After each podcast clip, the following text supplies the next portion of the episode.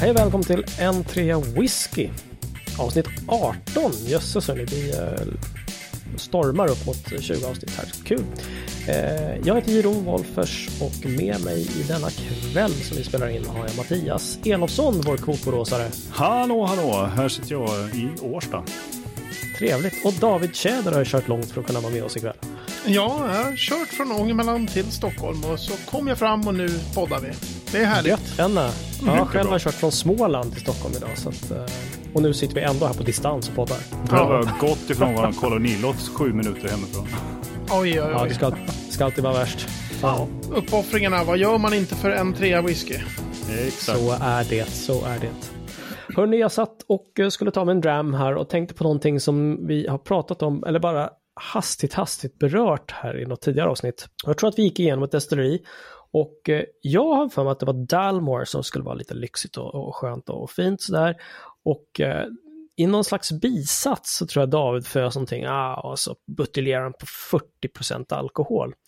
Och tänkte, jaha, okej, okay, jag, jag hann liksom inte fråga för att vi, var- vi var över tiden där också. Så tittade jag omkring lite i whiskyskåpet och, och liksom, hur ser det ut det här egentligen med, med, alkoholhalt eh, på flaskorna? Och det varierar ju rätt kraftigt alltså. Det är ju från 40 och sen är det väl uppåt. Eh, ballast som jag har är väl knappt 60 skulle jag tro. Liksom. Men hur ser det ut hos er? Är det någonting ni tänker på, eh, det ni har i skåpet? Och vad fasen betyder det här egentligen att det är olika alkoholhalt på spriten? Ja, alltså jag kan ju säga att jag tänker egentligen inte ganska mycket på det. Jag kollar ibland bara för kul sådär, men, men oftast Mm. så är det bara jag häller upp och så kan man kolla ibland efteråt och så oj jävlar, den var på 63 procent. Kanske ska ha några droppar vatten i ändå.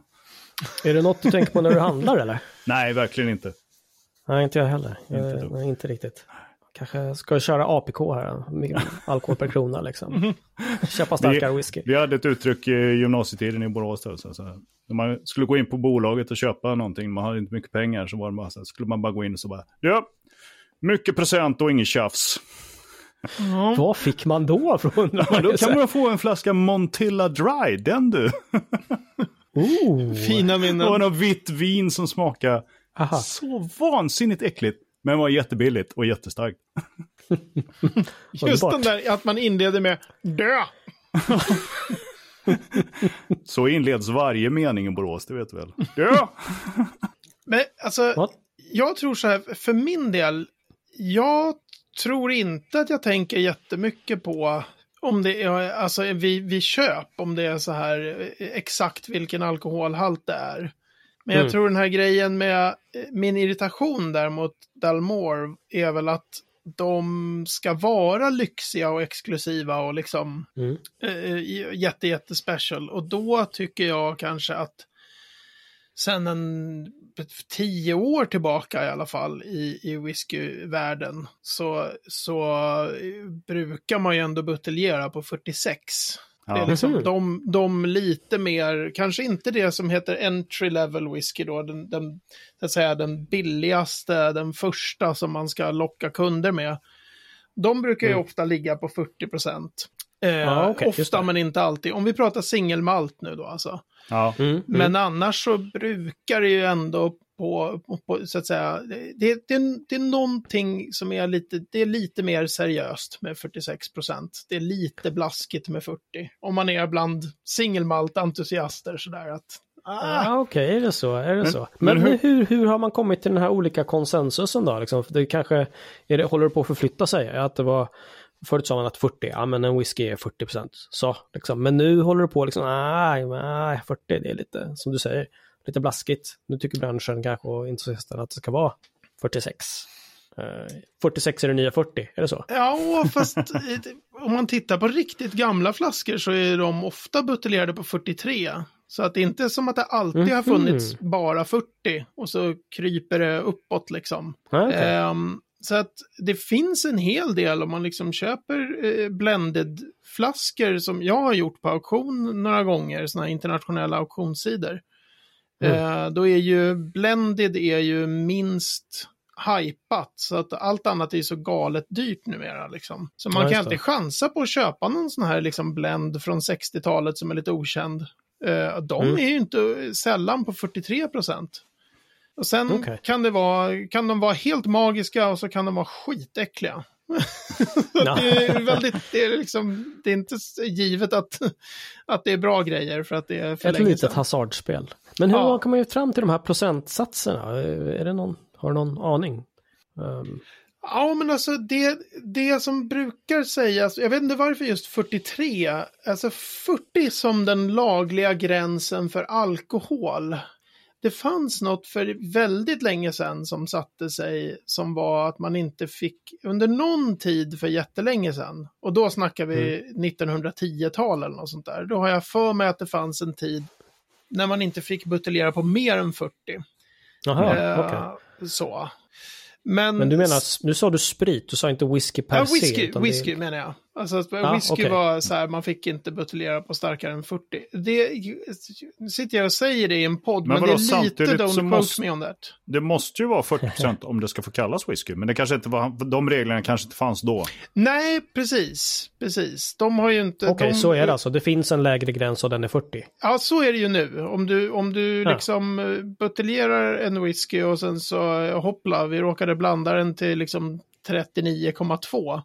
Mm. Och så kommer någon på dig med det, då är det ju inte whisky i flaskan längre. Mm. Det är ju liksom åldrad maltsprit eller något sånt. Så att whisky Nice. måste vara 40% minst. Okej, Men bra. sen Då är det ju, så, så 43 har historiskt funnits på ganska mycket whisky faktiskt. Mm.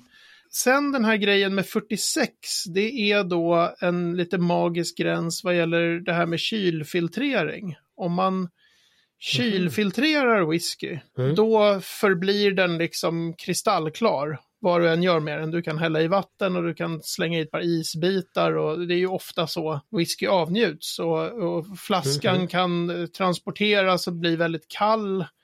Eh, Om den är kylfiltrerad och det ser klart och fint ut. Men om du inte Okej. kylfiltrerar whisky, då eh, blir den ju eh, grumlig liksom när man vattnar.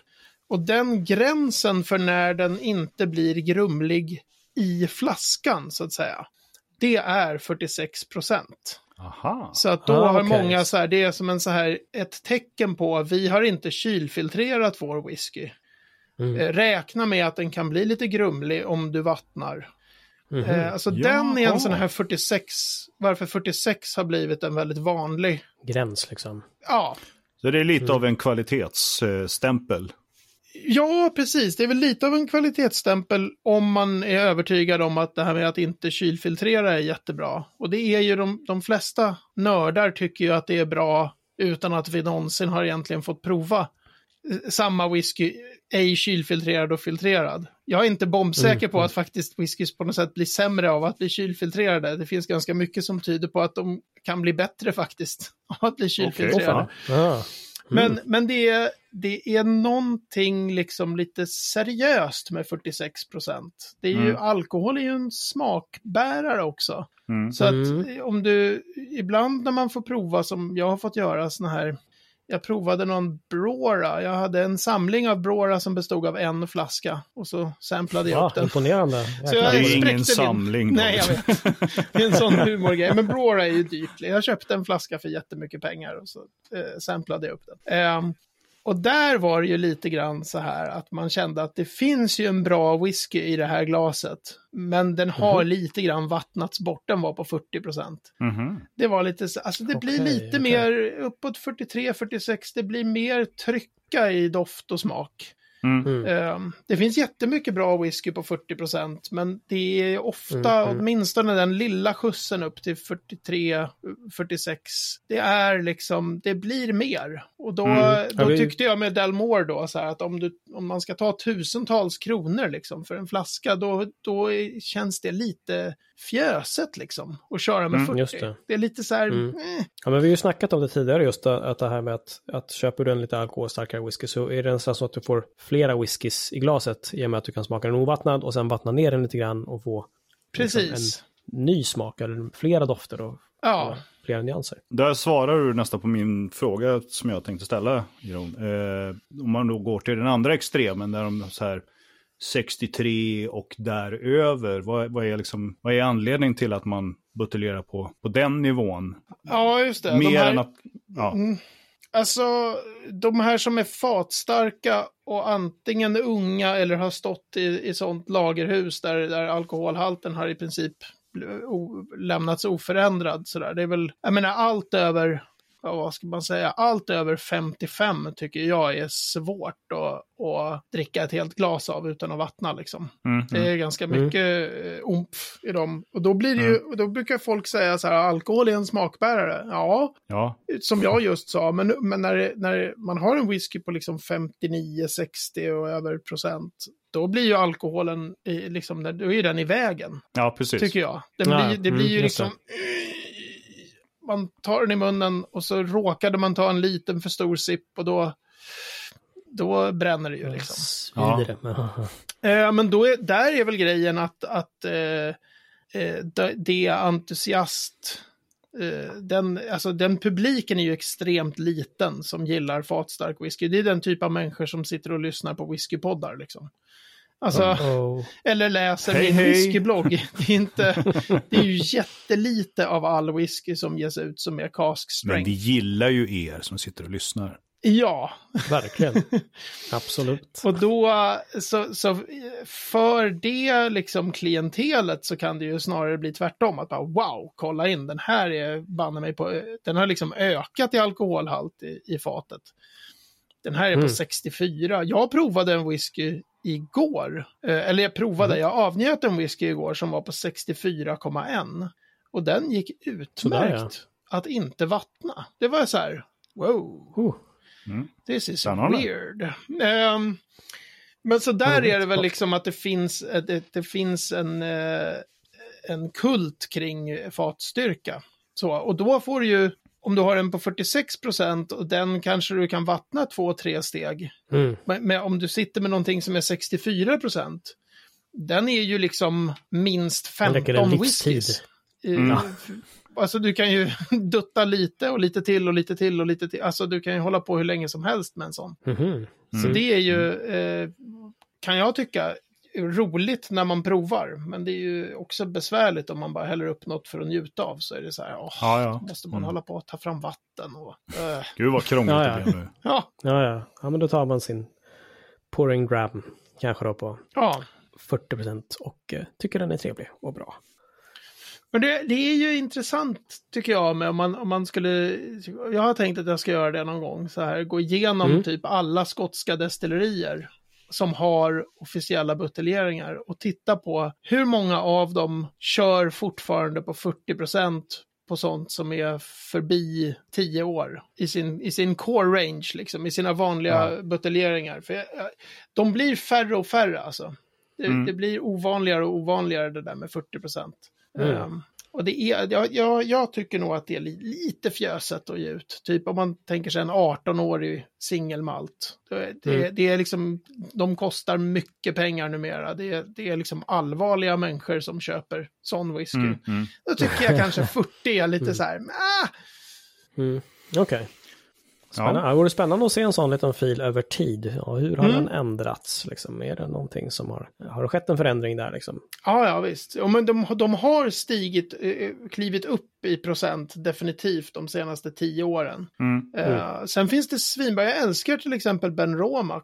De är, jag tycker det är ett jättebra destilleri och de kör stenhårt på 43, som ju då inte är nörd Mhm. 46. Är Nej. så här, vi tycker vår whisky är bra på 43 och det, den är svinbra på Ja. 43. Men det är väl också alltså, ett mått på eh, de som framställer whiskyn, att de, de, vet, alltså, de vet vad de vill åt, de vet hur de ska komma dit. Och då har, är väl de så skickliga så att de får fram alla sina smaker, även fast det bara inom citationstecken är 43 alkohol. Mm. Det här med smakbärare och allting så här. Men vi behöver inte ha, den behöver inte vara starkare, för vi får fram alla våra härliga Mm. smaker ändå. Liksom. För att vi är så jävla bra på det vi gör. Ja, och, och, och också någon slags kaxighet i, för om du, kommer du ihåg när vi pratade om vintage whisky och jag var så här, fatta och jobba på, för Bal Blair och stå på en mässa och för varenda kund liksom förklara det här, nej vi har Mm. ingen 12-åring, vi har det här vintage-systemet. Alltså, Ja, jag kan ja, tänka mig ja. om man jobbar för Ben Romack att de är så här, varför, varför buteljerar ni inte på 46 procent? Att de har fått den frågan Ja. eh, 40 000 En gånger. gånger. ja. Och då Mm. tycker jag att det finns någonting lite härligt i att de håller kvar vid, ja men vi tycker att det blir bra på den här och det är bra. Ja, de tar den debatten med liksom. Ja, if it ain't broke, don't try to fix it. Precis. Good on you. Och det där trudelutten talar om att det är dags för veckans ord. Mattias, har du lust att dra ordet för oss? Självklart har jag det. Eh, veckans ord är det som vi ju har vikt hela podden åt. Malt. Mhm. Eller? Eller? Ja, vad är egentligen malt? Jag, vet ni vad malt är? Är inte det det mältade kornet? Ja, det är det ju. Men vad är mältat korn liksom? Ja. Alltså, men det är ju också ett begrepp i att men jag hä- häller upp en malt. Eller, Absolut, absolut. liksom, det är ju också ett ord för att dricka whisky. Mm. Mm. Och Bonahavin är en underbar malt. Kan man, man kan se den typ även för destillerier så. Ja. Men, det är Men vad ju, är malt? Ja, alltså Ja. Det där är ju jätteklurigt visar det sig när man tittar lite på det. För att det, alltså, man mältar korn för att göra, om man pratar i Skottland då måste det vara korn. Och det är ju nästan all singelmalt så är det ju mältat korn just. Man kan ju om man är i Europa välja att liksom mälta råg. Eh, Mm, och så kör man en 100% mältat råg och då är det fortfarande en singelmalt. Det går i EUs regleringar så att säga. Mm, mm. Det, vi, vi, där måste det inte vara just mältat korn, men det är ju nästan alltid mältat korn. Mm. Och då är grejen att man, det är en ganska så här, jag tycker att det är roligt för man har ju mältat liksom i sekler. Mm. Har människor mältat. mhm. Och jag tycker det är så roligt Mm. Hur, vad, vad, det är lite som så här, när någon kom på typ crème brûlée och man bara, men det är ju ett, det är ett mäckigt sätt att göra eh, mat. Liksom. Hur fan kunde Ja. ni komma på alla de här stegen liksom? Ja. Och då Mm. tar du alltså, du tar ditt korn som du har skördat och så Mm. lägger du kornet i vatten. Mm. Eh, och då blir, får kornet massa vatten och energi och får så här, ja men perfekt. Nu här, oj vad det regnar, tänker kornet liksom. Ja. Just det. Här ska gros. Och då snackar vi några dagar, liksom. Ja. Så ligger kornet i det där vattnet. Sen, traditionellt förut så slängde man ut över ett golv. Numera så har man speciella, liksom, såna här stöpningskar. Alltså man har spe speciell utrustning för det hela. Men förr då slängde man ut det på ett, på ett golv. Och då tänker kornet, jäklar det har regnat, det är dags att börja växa nu. Mm. Mm. Och så börjar kornet gro. Och sen så kommer det ut såna här små rootlets, alltså små... Eh, Grodar. små groddar så här. Och då är det så här, ja Mm. men nu är det nog dags att stoppa det här kornet från att gro. Därför att det man vill att kornet taskigt. ska göra, det är att omväl, alltså omvandla, nu måste jag tänka så det blir rätt här. Det är väl, man vill ha korn med jättemycket stärkelse. Mm, Och mm. stärkelsen när den, ska se om jag får det här rätt, det borde jag ju läst på innan. Eh, stärkelsen börjar omvandlas till socker. Därför att den måste ha jättemycket energi för att sen börja bilda en ny planta. Så man vill ha maximalt med eh, sockerarter Mm. eh, Right. inne i det där kornet. Men sen så börjar den ju använda sockret. Eh, om man tänker sig ett enstaka korn bara, så här. Den vill Mhm, liksom använda sockret för att börja växa. Och då är Mm. ju whiskybranschen eller en hemmabrännare på 1400-talet så här, ah, det, nu börjar du hålla på att använda sockret här, det där sockret vill jag ha och göra sprit av. Ja. Då måste man ju få Just det. stopp på den processen. Mm. Mhm. Och då, historiskt sett då, det var ju då man brassade, man måste torka malten. Mm. Så. Ja, Och då i det här läget, växten, innan man har torkat den, då kallas den grön malt. Det är liksom ett steg Mm. i, i det hela. Ja. Då eldade man ju med torv så att det skulle bli varmt som tusan. Och så fick man den här röken och åka genom de här golven då. Och torv för att det var det man hade. Ja, för att det var det man hade. Eller hur? Liksom. Mm. Och sen så eh, torkar man helt enkelt grönmalten och då har man fått malt. Och då Mm. i förr om åren så fick man också röken när den följde ju med. Alltså all whisky förr var ju rökig liksom. Man hade ju ingen Mm. teknik för Mm. att typ blåsa varmluft. Eh, eller så. Nej. Ja, just det. Så att man har alla de där olika stegen som är hur länge du stöper, alltså har det i, i vatten först. Hur Mhm. länge det ska stå under det som heter groningen då, germination. Mhm. Och hur länge och hur varm luft du ska använda för att blåsa då på det här grönmalten för att göra det till malt. Det är liksom växten. unikt Mm. för varje kornsort. Så att du kan inte bara så här, Aha. ja, man gör alltid två dagar på det här sättet och sen blåser vi på det här sättet. Utan, och då är det så här, nej fan, vi fick inget bra resultat här. Vi, jaha, Mhm. den här kornsorten behövde tydligen. Så att det är Okej. extremt komplext. Gud så krångligt. Och allt det där liksom för att sen säga, men vad sägs om att vi häller asmycket varmt vatten på det här? Och sen tar vi det här, den här sockriga sörjan som vi får ut av det och sen lägger vi jäst i det och sen börjar det bubbla. Ja, då kan vi bli fulla. Alltså man anar ju otroligt mycket liksom mänsklig, liksom, vad mycket tankekraft experimenterande liksom. som har legat i- detta, Mm. liksom, att, ut, att få fram en sån idé. Och sen Ja. kommer Mm. någon så här, men du, fan, om vi tar de här apparaterna och eldar under, då blir det ännu starkare. Det blir, man blir fullare, man blir ännu fullare liksom. Just det. Vad vad ska vi göra? Nu har vi, nu har vi kokat skitmycket sprit, vad ska vi hälla det i? Ja, men här har vi liksom lite fat. Fan, det blir ju skitgott. Mm. Oj, vilken grej att ha det i fat liksom. Och sen, och där har man liksom hur whisky har utvecklats. And people Ja, Jesus. wonder why we're fucked up as a race. Ja, men det är ju, du vet Too Mattias, den much här... fucking free time. Ja, men du vet den här, vad du kan den Mattias, den här ståuppkomikern som, som pratar om att någon kom på att man kunde suga in den här gasen på, på så här det är ju grädde. Dennis Leary. Ja, vad är det han säger där? Kommer du ihåg? ja, men det finns ju några sådana här, eh, vet ni, såna här typ grädde på tub. Mm. Och om man trycker Jaha, ner ja. munstycket lite, lite grann bara, inte så, inte så att det kommer ut grädde, utan det kommer ut lite, lite gas. Om man snortar absolut. den gasen så blir man full i typ tre sekunder. Just det. Men hur Och han fan. var så här, Också och så det, här. Collegeungdomar i USA, de är rätt uppfinningsrika. ja, men det är just den, liksom människans förmåga Whippets, att... att det. ja, just det, så heter det, whippets. Okej. Nej, men så malt är eh, också det, samma typ av så här hur någon har bara, hur det här har utvecklats. Mm. Och numera görs ju malt väldigt sällan på destillerierna, utan det är ju professionella mälterier som liksom levererar färdig malt. Ja, Jaha, så de gör bara det liksom. Ja, det är jättefå som, som mältar själva. men när jag var på uh, Lafroig på Isla, då hade de ju både det här rummet med jättestort golv där de öste ut kon. Mm, mm. Och de hade ett annat rum med någon sorts liksom hål under. Där de eldar torv under då. Så att det, det görs ju fortfarande på det sättet. Absolut, jag är jätteglad att du sa det eftersom jag, när jag, jag, liksom, direkt när jag hade sagt det här med och sen blåser man luft under det här golvet så kom jag på att, äh, vad fan, det gör man ju i kölnan, jag får rätta det sen. Så att, Ja. det var jättebra att du, att du kom till det. Men visst, eh, Lafroig gör det ju för kanske 30-40 procent av all malt de använder, golvmältar de själva. Mm. Kilhoman Mhm. golvmältar lite själva. Ehm, Springbank gör det ju med, det är ju det enda destilleriet som golvmältar allt själva.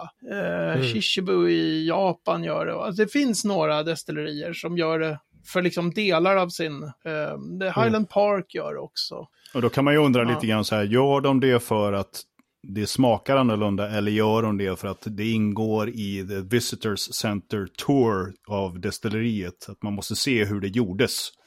Alltså, det finns ju många som har den där, alltså det här gör man bara för att det ska se snyggt ut. Jag tänker på spritskåpet som de kör vatten igenom istället. Ja, för. åtminstone som det precis. Vid något, vid något till, vid någon, någonstans i Skottland finns det ett spritskåp med, med vatten igenom. Ja, precis. Eh, Mm. Alltså jag trodde nog förut att men det där är en, en snygg grej att visa besökare. Mm. Men sen när jag började läsa på kring mältning så insåg jag hur sinnessjukt arbetsintensivt det är. Det är jätte, jätte, jättedyrt att golvbälta själv. Det finns Mm. inte en chans att man Mhm. liksom tar in det på att det är snyggt att visa turister. Ehm, Ja, okej. så att det är, och det är verkligen så när de gör Jag tror att Highland Park och Lafroig gör ju, de blandar liksom det de mältar själva med det de köper in. Mm. Uh, Kilhoman Mm, mm. gör det normalt, men de har en utgåva när de använder bara sitt eget golvmältade. Eh, Ja, men coolt. det måste vara så att det spelar en jätteroll. Kanske inte så att den här golvmältade malten blir bättre, men den blir annorlunda. Nej. Mm. Ehm, Men det ger karaktär på något sätt. Liksom. Ja, det blir någon annan karaktär i alla fall. Mm, eh, mm. För att det är fruktansvärt arbetsintensivt. Mm. Eh, det kräver otroligt mycket mantimmar. Om du jämför med sådana här professionella mälterier, de har ju inga golv. De har stor, antingen har de stora trummor eller förut hade de någonting som hette såna här salladinlådor. Och numera finns det en jättegrej som heter GKV, som är så här Germinating and Killing Vessels. De gör allt. Oh. Ja, ja, okej. De gör, Aha, och de okej. är liksom stora som en silo. De kan Ja. ju brassa in hur Okej. många hundra ton som helst och mälta på en gång. Mm. Så det är klart att den malten blir ju väldigt mycket billigare att framställa. Så om Mm. man Mm. tackar nej till den malten fast man använder en hel del av den och fast Mm. liksom alla andra destillerier använder 100% av den, då, då kan man inte göra det för att det här blir snyggt när, när besökarna kommer så kan vi visa upp våra golv. Liksom. Det är, det är Mm. så vansinnigt dyrt att hålla på med så att det skulle de inte de skulle inte göra det om de inte var så här, det kommer sabba smaken eller det kommer ändra smaken på vår whisky så mycket om vi lägger ner det här. Mm. Ja, Mm. precis. Intressant. Ja, där pratar de om Kilhoman som gör åtminstone en utgåva. För att jag antar att om man ska göra whisky i den volymen som görs idag, då finns det liksom ingen, ingen sportmössa och, Mm. och, och göra allt med liksom genom att mälta på golvet liksom själva. Nej. Man måste köpa in det. Nej, precis. Så det är typiskt att Springbank som gör det är ju ett väldigt, Mm. väldigt unikt och märkligt företag i termer av hur många Mm. anställda de har och hur mycket, alltså det, det är Just inte det. så mycket ett vinstdrivande konglomerat där, utan Nej. Nej, de är det är något annat det. liksom. Mm. Mm. Coolt. Bra. Mer om malt. Underbart. Ja. Nördigt. Mm. Skönt. Och trudelutten betyder att det är dags för veckans destilleri. Och Mattias, du kanske vill prata om vad David ska utgjuta sig över i tre hela minuter för destilleri. Tell us. Han ska få tre minuter och prata om Aran. Mm. Där går klockan igång. Arran är häftigt. Grundat Mhm. 1995. Det är ett jättenytt destilleri. Fan. Eh, och det första nya destilleriet på mm, år. Kanske sedan 60-talet eller något sånt, då när det kom. Man ska ju komma ihåg att på 80-talet var det stor, stor whiskykris för den skotska whiskybranschen och det började vända upp liksom någonstans runt 90, 91, 92, 93, 94, 95 där. Men det var ingen som hade liksom riktigt haft modet att starta ett nytt oberoende destilleri. Så de är ju extrema trailblazers för den här enorma, enorma explosionen av destillerier som är idag. Mm. Genom att visa Mm. helt enkelt att de fortfarande finns. Alltså de har Ja. inte gått i konken. Redan det är en stor, det är en, en bedrift. Så. Ja. Coolt. Vad gör du för whisky? De gör till typ 95% orökig whisky. De har eh, rökiga utgåvor som heter Macrimore, eller Macrimore, eller hur man nu uttalar det där. Eh, Mm. Nu har de faktiskt startat Isle of Arran Distillers då, som är oberoende ägt. Det är någon familj som heter Curry, tror jag, som startade det där. De har Mm. startat ett helt nytt destilleri eh, som heter Lagg, där de ska göra all sin rökiga whisky och även göra annan stil av whisky då. Så att, som precis har kommit igång. Eh, Men så att så Arran är i princip en orökig, ofta ganska rejäla sherrylagringar. De är roliga på så sätt, alltså att de, dels att de har överlevt och sen så att de var jättetidiga då med att köra det här med privatfat till folk. Och det har, man, Mm. har de fortfarande, tror jag i alla fall, att man kan köpa Okej. fat hos eh, Arran. Man kan köpa liksom en barrel eller hogshead eller butt eller sådär. Stora fat alltså, inte det här Mm, som mm, man kör i okej. Norden då. Med de små Mm. faten. Ehm, och för egen del måste jag säga att jag, jag provade några ganska unga Arran för massor med år sedan och var så här, eh, jag vet inte jag. Men sen har jag provat ett gäng sådana här olika, alltså single casks och en del andra utgåvor nu när de börjat komma upp i åldrarna. Från 15 år och uppåt så är det liksom riktigt, riktigt bra. Mhm, de kanske behövde lite hår på nacken. Jag vet inte hur man ska beskriva stilen, för det är inga sherrybomber, men det är ofta lagrat på sherryfat. Och inte bara, absolut inte bara. Men ganska kraftig och uppenbarligen tillräckligt eh, mycket drag i den där Newmaken för att den inte riktigt skulle lira som så här typ tio år gammal. Tyckte jag i alla fall. Mm. Men ett riktigt, riktigt intressant och kul destilleri. Var otroliga inspiratörer för Kilhoman som i sin tur inspirerade andra att starta destilleri. Då. Mm. Det här var tre minuter. Ja, tre minuter. Ja, som alltid så blir man ju väldigt intresserad tycker jag. Det jag låter spännande. Det vore kul att testa. Det har jag Ja. inte gjort. Den ligger ju på ön Arran. Alltså ibland så glömmer jag att jag kan hela Skottlands geografi. Och att Arran är en ö är för mig självklart. Och att det ligger i Highland-regionen och på, på västkusten. Ah, liksom, okej. Norr om Isla och sådär. Det, Mm. det, det är där det är. Kan vara bra. Körde faktiskt en BK på en Aran som jag har fått av dig David, eh, nu när jag var på Gotland. Ja, just det. Just det, den där. Den från Whiskey Broker. Ja, precis. Den var ju Väldigt bra. trevlig. Ja, Ja, precis. jättebra och väldigt, väldigt ljus. Det var liksom nästan som liksom genomskinlig sprit. Mm. Ah, okej. Väldigt spännande. Fantastiska... E150A, eller hur var det? Nej, precis. Inga färgmedel och eh, refill bourbon, det är da shit. Jag tror inte Arran Mm, kör med mm. något färgmedel i sina whiskys, måste jag säga. Det, det, det, det skulle I förvåna så fall mig. hade de vitt Ja, här, Åh, bortkastat. Bara, mm. "Ja, Nu har ju asfärgat vår whisky, hörni. Vitt. ja, det var ju i och för sig jävligt coolt. Ja, är det någon som har någonting att lägga till eller så stänger vi butiken tycker jag. Ja, vi stänger butiken.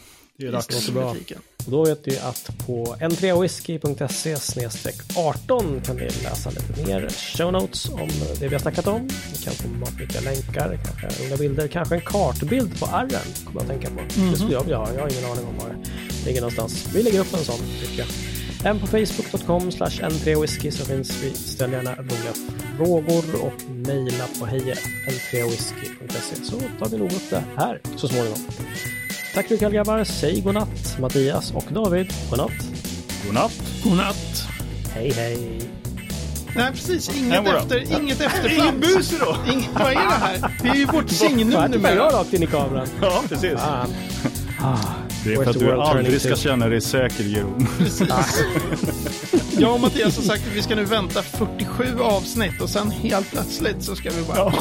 Så här Invaggad i falsk säkerhet. Exakt. När jag tittar i kameran så kommer det ett decimerat finger upp i näsan. Japp. Chip up the nose I'm afraid.